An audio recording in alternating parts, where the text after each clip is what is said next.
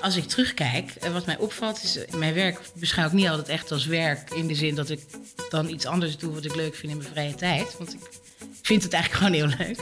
En dat was bij Philips ook al zo. Ja, en dat vinden ze dan heel belangrijk. Dat, het gewoon, ja, dat je mee kunt denken, dat je hè, wel risico's kunt verminderen, maar niet overal, uh, ze noemden een roadblock voor bent, maar meedenkt van hoe kan het dan wel. Een goede jurist heeft eigenlijk altijd werk. Als zelfstandige kun je zelf bepalen voor wie je je kennis en ervaring inzet. En er zijn steeds meer juristen die hiervoor kiezen. Althans, dat beweert Marijn Roymans. En hij kan het weten, want hij coördineert het grootste netwerk voor zelfstandige juristen in Nederland. Omdat die juristen vaak wat op de achtergrond opereren, leek het ons zo leuk om je kennis te laten maken met deze beroepsgroep in opkomst. Dus gaan Marijn en ik, Erik Jan Bolsius, in de serie Meesterlijke Gesprekken bij ze op bezoek. Van hen horen we wie hun klanten zijn, waar ze van wakker liggen, wat die vrijheid hen brengt en wat niet. Duik met Marijn en mij in het leven en werk van zelfstandige juristen. Luister naar Meesterlijke Gesprekken, de podcast van We Legal Network, mede mogelijk gemaakt door Jurist in Communicatie.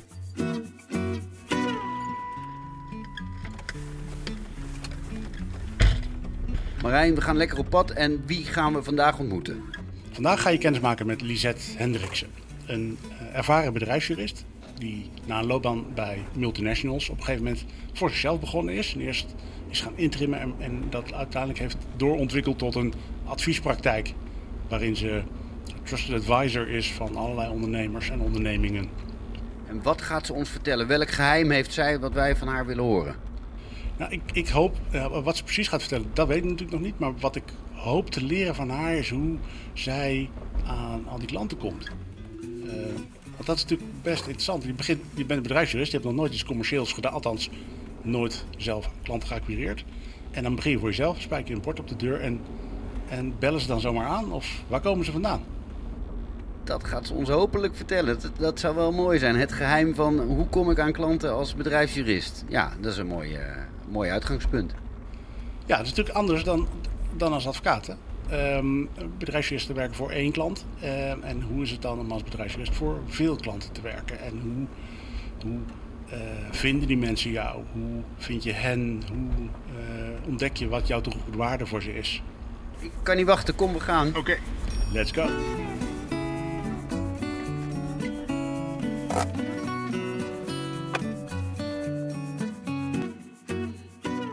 Lisette, uh, werk jij wel eens niet? Ja hoor, ik werk uh, in de weekends niet. Uh, ik probeer zo min mogelijk s'avonds te werken, maar dat lukt wat minder vaak. Ja, de vraag komt voort uit uh, wat ik van je zag aan netwerk, aan verschillende activiteiten en opdrachtgevers, vermoed ik ook. Daar gaan we het wel over hebben. Het leek mij dat jij wel een bezige bij bent. Ja, maar ik denk ook wel dat ik vaak werk ook niet als werk beschouw dat ik ook zoveel plezier heb vaak in mijn werk, dat het uh, dan ook niet voelt als werk. Plezier in werk, dus het voelt niet als werk. Wat, wat, wanneer wordt werk werk? Ja, als ik heel lang achter elkaar in mijn eentje op een kamer alleen maar contracten zit te redigeren. En dat is natuurlijk wel echt een deel van het werk, maar ik ben niet goed heel lang in mijn eentje. Ik heb ook eigenlijk wel even een kop koffie met collega's nodig. of even een lolletje of nou, even eh, niet, niet alleen maar achter mijn computer onder druk dingen proberen te, te halen. Ja. En als je zegt collega's, we interviewen zelfstandig ondernemende juristen. Hoe heb jij collega's dan? Ja, ik werk in een ja, in, in samenwerking met twee compagnons. hebben we een juridisch adviesbureau waar ook ja, mensen in dienst zijn. Dus ik ben wel zelfstandig in die zin dat ik ook zelfstandig voor bedrijven de jurist ben en ingehuurd word. Maar uh, soms ook als team met deze collega's dus samenwerken.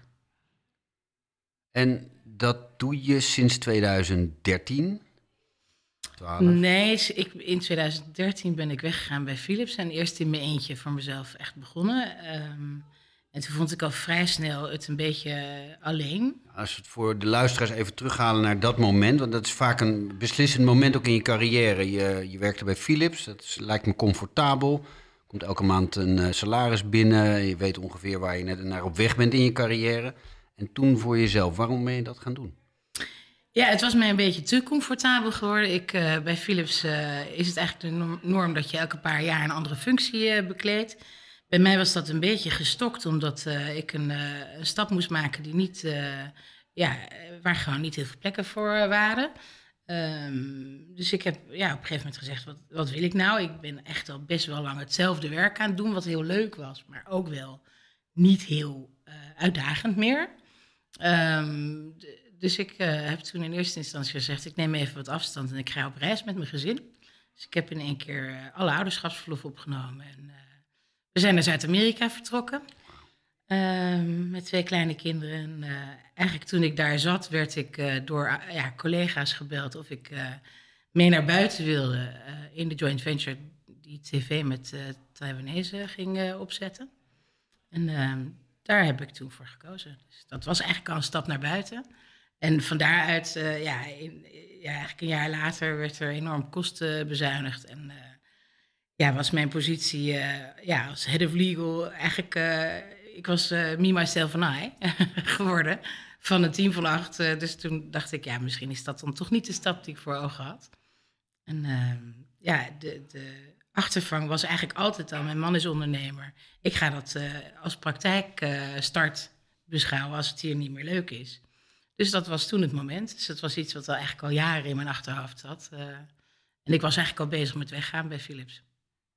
En, en was je bang om voor jezelf te beginnen? Was het een, een spannend moment? Bang is misschien een groot woord.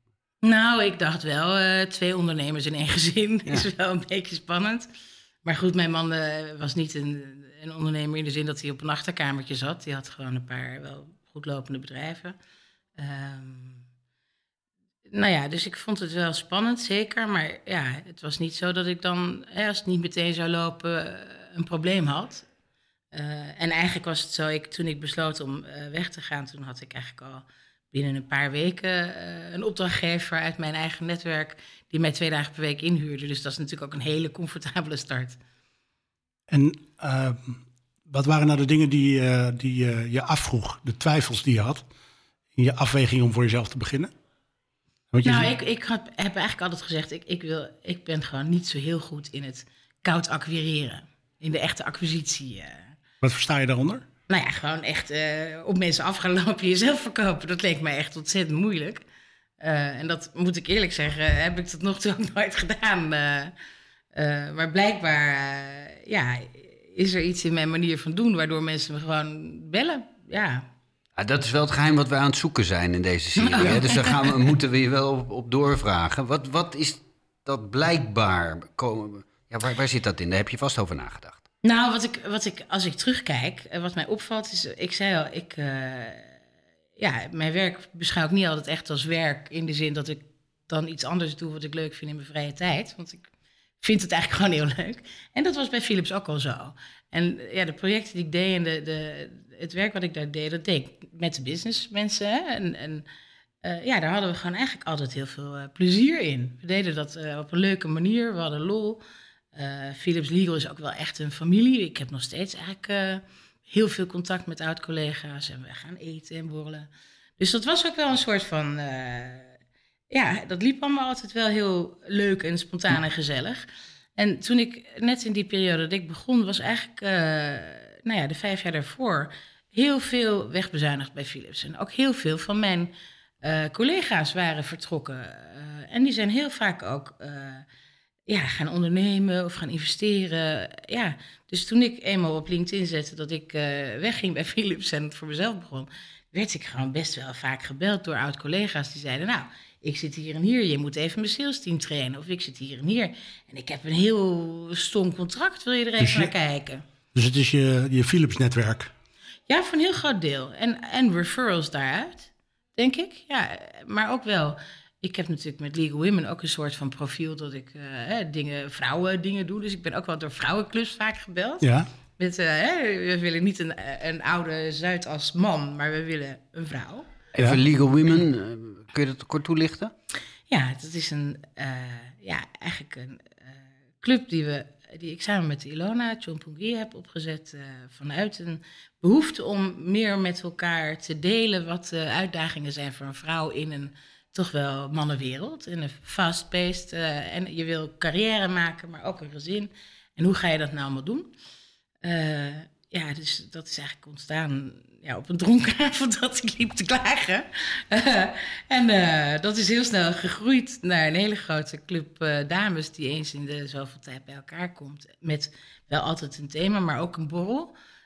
Ja, die juist bedoeld is om ja, de dames ook de mogelijkheid te geven om te kijken wat, als je advocaat bent, wat betekent het dan om rechter te zijn? Of wat betekent het dan om gemeentejurist te zijn? om de mogelijkheid te geven om met elkaar over uh, die verschillende rollen te praten. En daar hebben we ook een mentorship in opgezet. En in onze zoektocht naar het uh, geheim van Lisette, waarom bellen die mensen jou?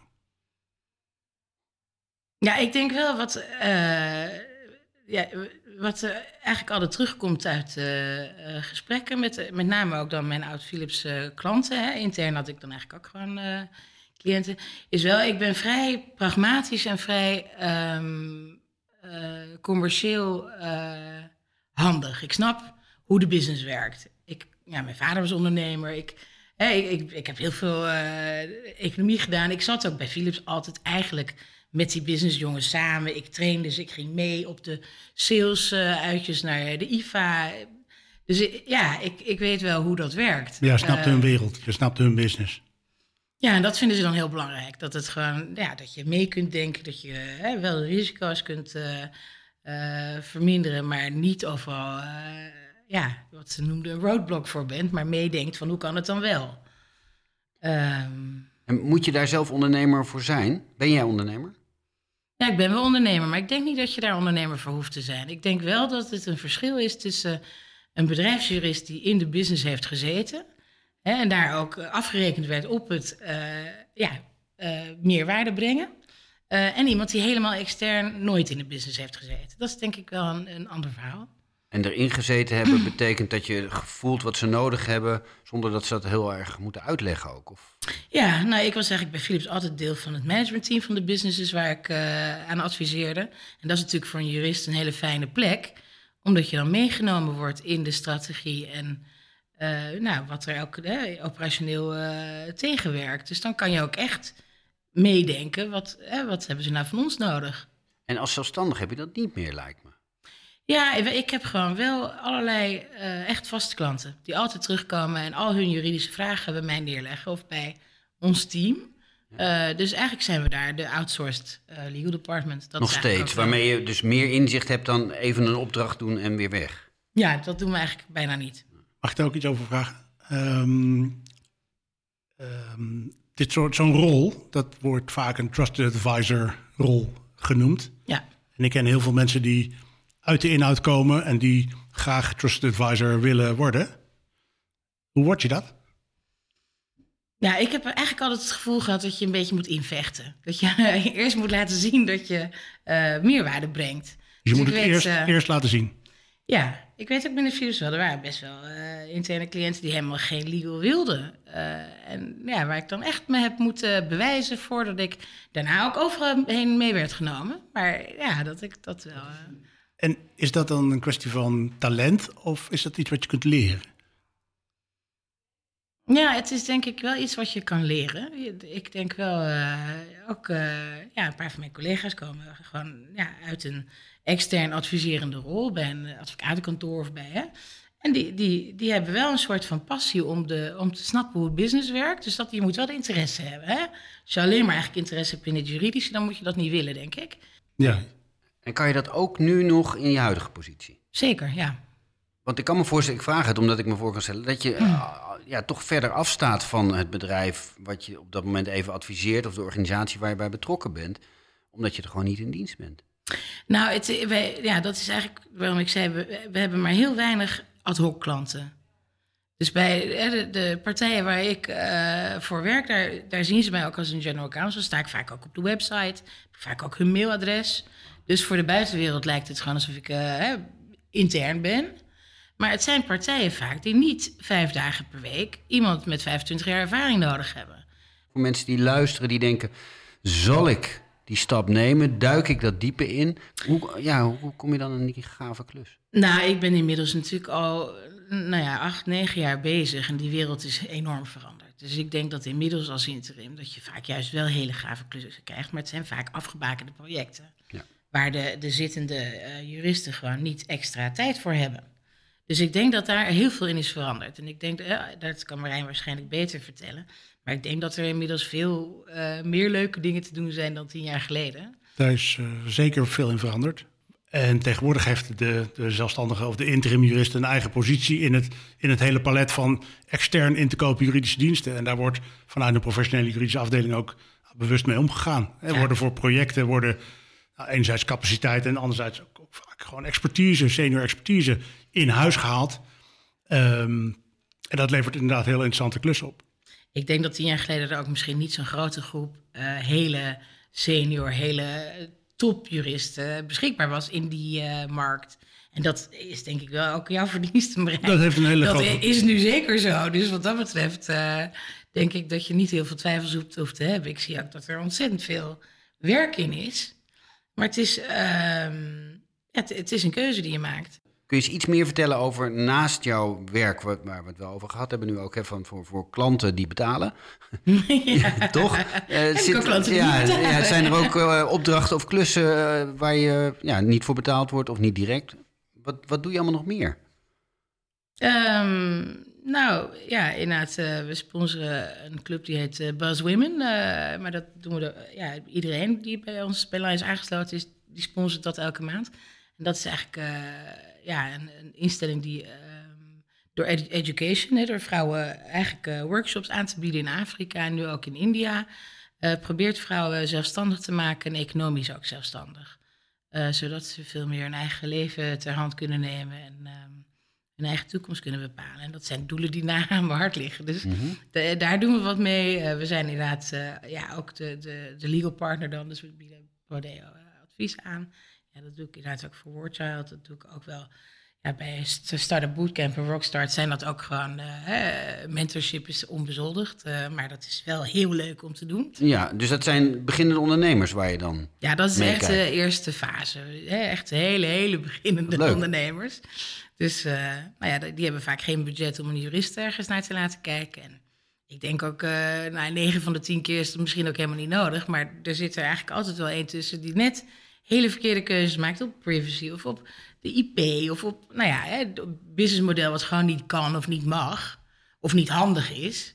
Uh, ja, en dan kan je natuurlijk heel leuk uh, ze helpen op het juiste pad. En dat geeft ontzettend veel uh, voldoening. Ik denk altijd, als ik nieuw leven, word ik architect. En dan rij ik door een stad of een dorp en dan zie ik een gebouw wat ik heb neergezet. Dat, dat, ik kan me voorstellen dat je dat ook een beetje hebt bij bedrijven waar je bij betrokken bent? Of ja, maak ik nou, het ik nou heb te ook romantisch? wel heel vaak dat ik, als ik start, dat ik hun product ook wil leren kennen. Dus dat ik eerst zeg, nou, we doen een barter. Ik doe dat en dat en dan krijg ik jouw product en dan kan ik het uitproberen.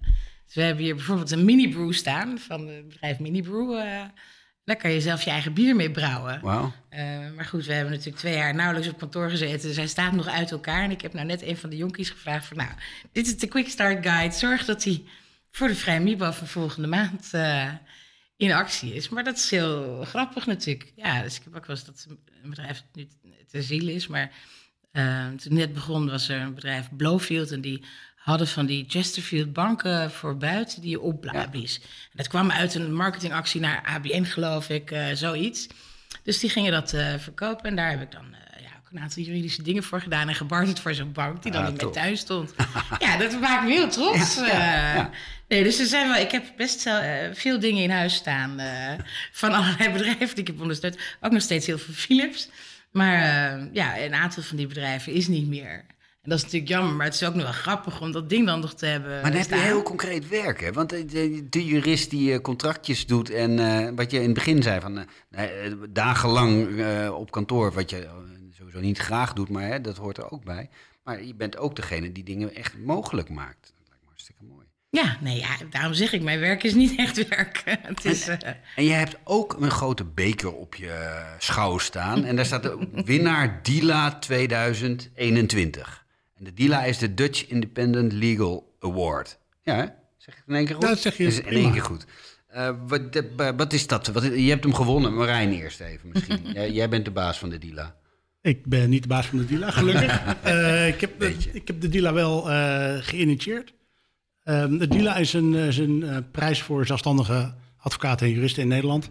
En die is ontstaan omdat ehm, in het deel van de markt waarin de meeste zelfstandigen die ik ken opereren, de top van de markt, heb je allerlei prijzen en awards en het buitelt over elkaar heen. En je kunt in allerlei buitenlandse tijdschriften gepubliceerd worden en daar fantastische marketingkracht uit halen. Uh, en al die goede zelfstandigen die ik ken, die staan nooit op zo'n podium. En dat is niet terecht. Dus daar is het Dila voor. En daar had Lisette vorig jaar ineens die beker met die grote oren in de handen. Hoe, uh, hoe heb je die gekregen? Waarom? Wat was het juryverhaal daarbij? Nou, ik, um, het was eigenlijk ook wel dat ze vonden dat het een vernieuwende manier van werken was in de markt. Uh, hè, dat, ja, dat het eigenlijk uh, nog niet echt bestond. En dat ze, nou ja, dus het, het uh, model van op die manier outsourced business, business partner zijn of outsourced legal department zijn. Maar ook eigenlijk de netwerkstructuur eromheen. Dus dat je probeert ja, allerlei ja, disciplines aan je aan jezelf te koppelen. Nou ja, ook eh, eigenlijk wel de independent uh, lawyers van Marijn. Als je mensen nodig hebt, dat je dan ja, daar hulp bij vraagt. Dat je niet alles in je eentje hoeft te doen. dat. En um, wat, ik, ben, ik ben inderdaad niet de, baas van de DILA. Er, er, is een onafhankelijke jury bestaande uit bestuursvoorzitters van advocatenkantoren en, en general counsels uit de markt. Die kiezen de, de winnaar elk jaar. En ik herinner me uit hun rapport dat ze vooral ook heel erg onder de indruk waren door het commentaar van jouw cliënten. En die, die erg, nou, eh, erg veel vertrouwen in je stellen en uh, nou, op een voetstuk stellen, zetten. En dat is, nou, vond, vonden wij mooi. En dat vond de jury vooral ook belangrijk. En hoe dat, hoe dat netwerk enthousiast is over je. Um, en dat droeg eraan bij dat je uiteindelijk, want er was best wel pittige concurrentie, dat jij die prijs kreeg. Oh, nou. ik zie het aan je. Ja, ik ben helemaal ja. ja, nou, ja. Maar zeggen ze dat nooit? Jawel, dit is ook, eh, dit, ik denk de, de twee referenties die ik me herinner, die ik opgegeven heb, is één, uh, een partij waar ik dat is jouw man. sinds de... Nee, nee. Nee, het is een partij waar ik ook in mijn Philips tijd al mee werkte. En toen ik wegging, dat ze zeiden, jij moet bij ons blijven, dus oh, wij huren je nu in. Uh, dus daar werk ik dan ook al wel twintig jaar mee inmiddels. Uh, en de andere partij is een partij die nieuw in de markt is gekomen, een jaar of drie geleden. Een start-up toen, maar inmiddels echt aan het schalen.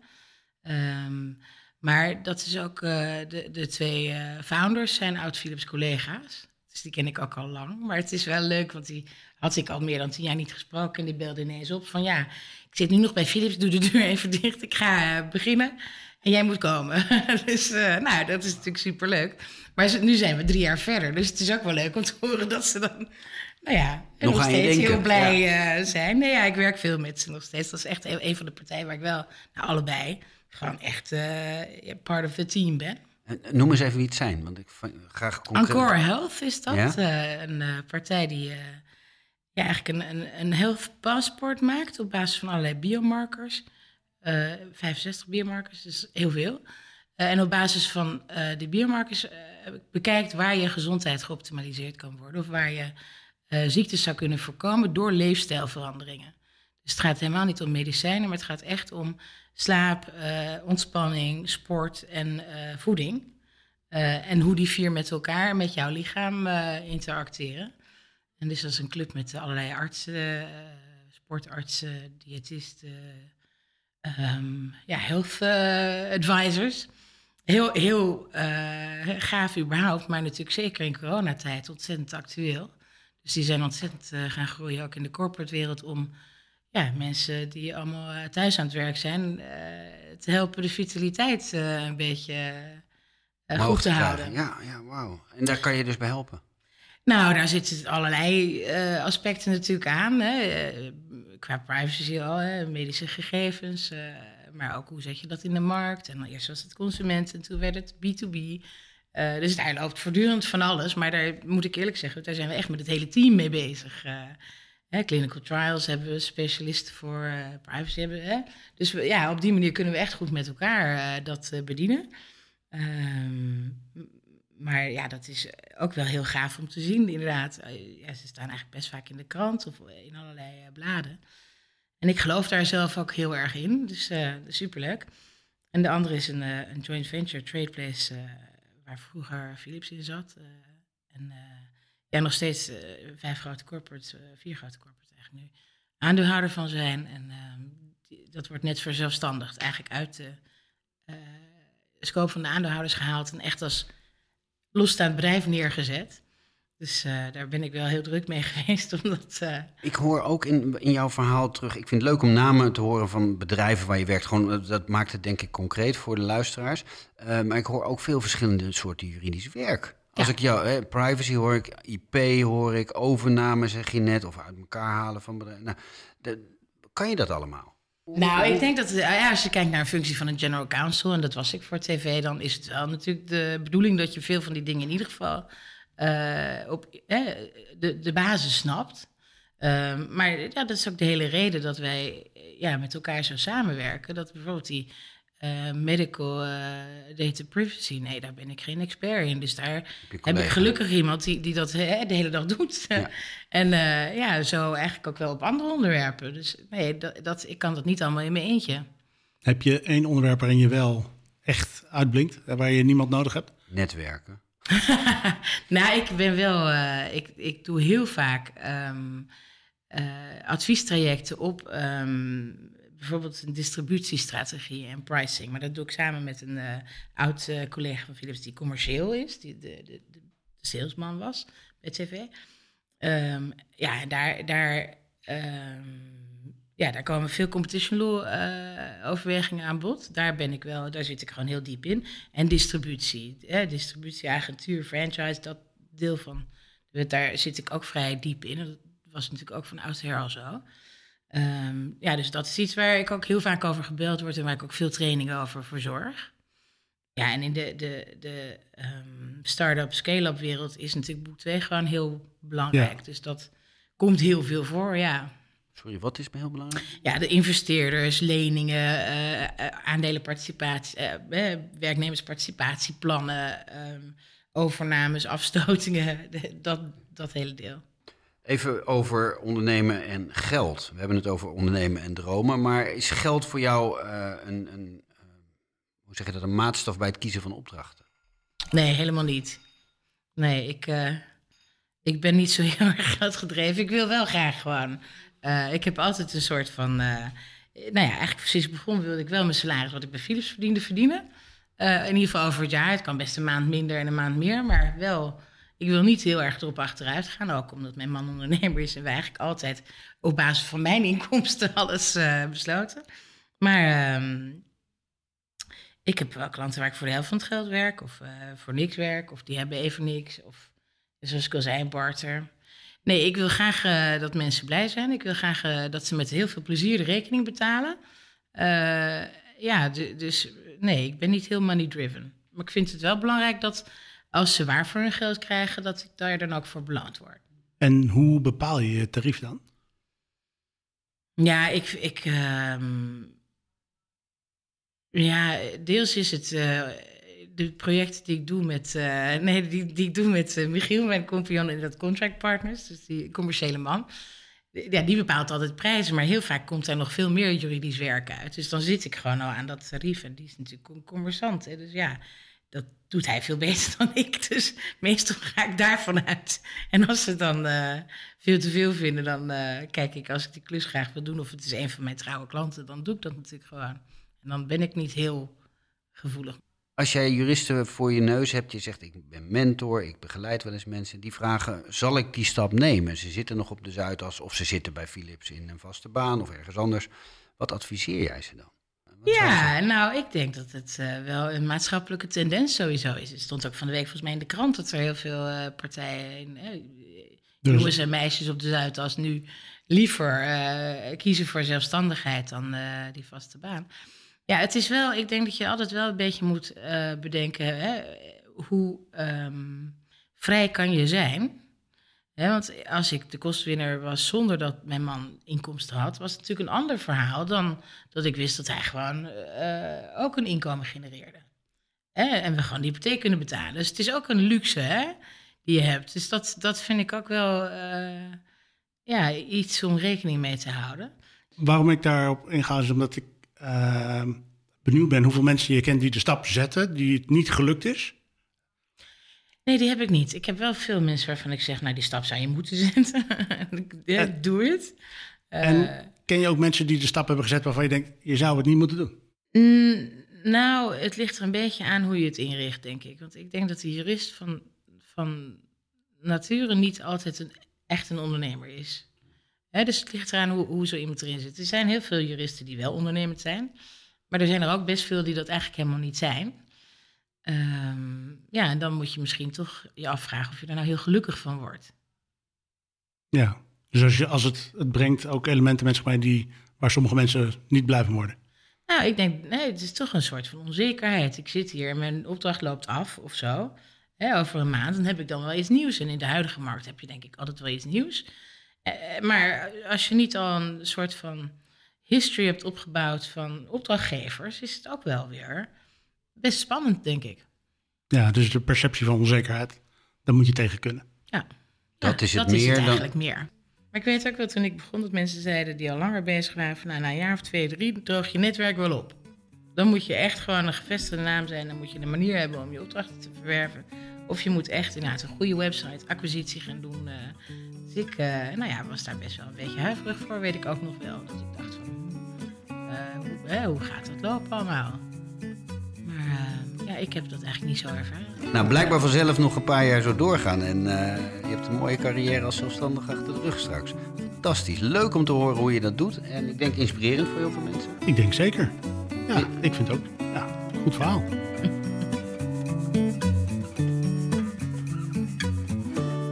Het geheim van Lisette? De grond werd haar iets te comfortabel onder de voeten bij Philips. Dus begon ze voor zichzelf. En verder? Ze beschouwt haar werk niet als werk, want ze doet dingen die ze leuk vindt. En ze heeft een goed netwerk. Klaar is Lisette. Mooi verhaal.